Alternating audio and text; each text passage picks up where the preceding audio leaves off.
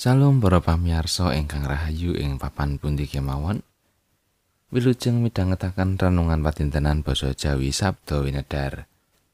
Renungan dinten menika kalandhesaken saking waosan kitab suci Jabur Mazmur 3 ayat kalih welas ngantos kalih likur.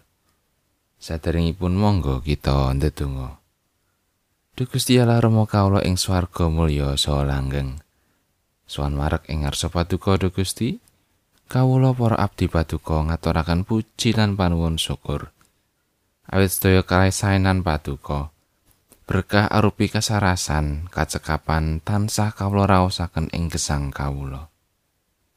Sak menika Gusti, kawula sumadyo badhe nampi sabda paduka. Mugi Gusti mbikak manah kawula.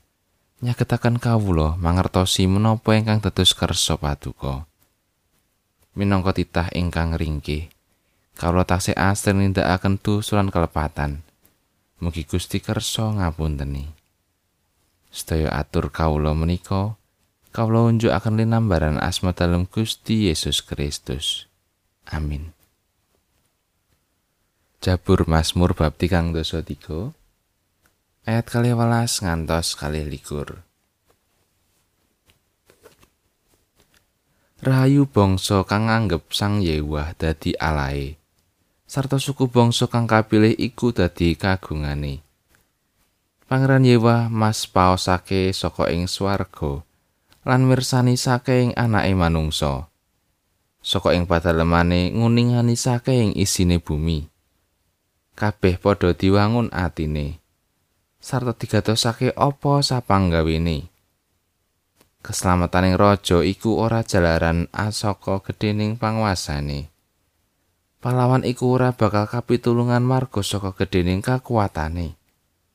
Jaran iku tangeh yen marakake unggul, lan karosane kang edapi ora njelari bisa oncat. Lan paningale sang Yewah nguningani wong kang padha wedi marang panjenengane. Sarta nganti-anti marang sih kadar mane. Supaya nyawane kauwalake saka ing pati. Sarta padha diuripi ing mangsa paceklik. Nyawa kita nganti-anti marang Sang Yewah. Panjenengane iku pitulungan lan tetameng kita. Sanyata ati kita bungah marga saka panjenengane. Awit kita percaya marang asmane kang suci. Duh Yewah, sih kadarman paduka lumuntura dhateng kawula sedaya. Kados dene pangantos-antos kawula sedaya dumateng paduka. Makatan pangandikanipun Gusti.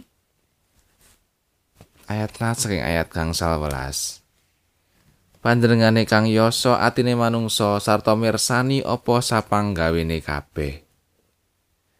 Para derek dinten menika dipun pengeti dening bangsa Indonesia minangka dinten kebangkitan nasional. Ing pengetan menika kita kaengetaken bilih ing taun setunggal ewu sangatus gangsal menika awrat tumrating bangsa kita ingkang saweka jajah dening bangsa Walanda. Bangsa Indonesia dipun damel bodho, sekeng lan nelongso, supados boten nggadahi klentek wal saking penjajahan. Mangertosi kawontenan ingkang mekaten, wonten saperangan saudagar ingkang lajeng ngawontenaken paguyuban sarekat dagang Islam. Supados bangsanipun nggadahi daya ingkang kiyat kawiwitan saking anggenipun dagang.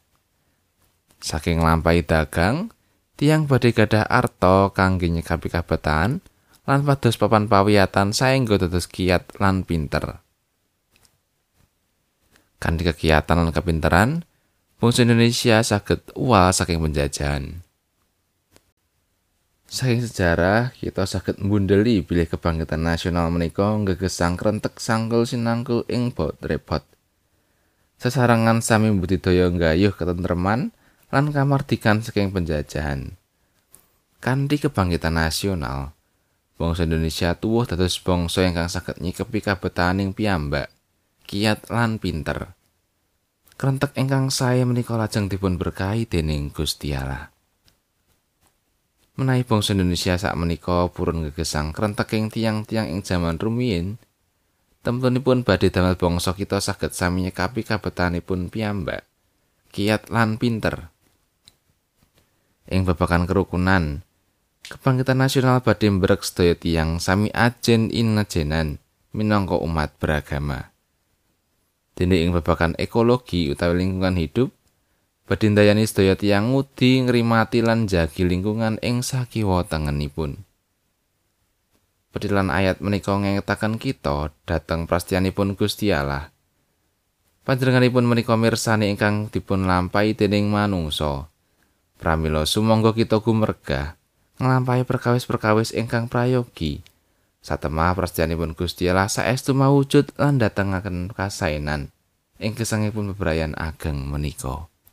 Amin.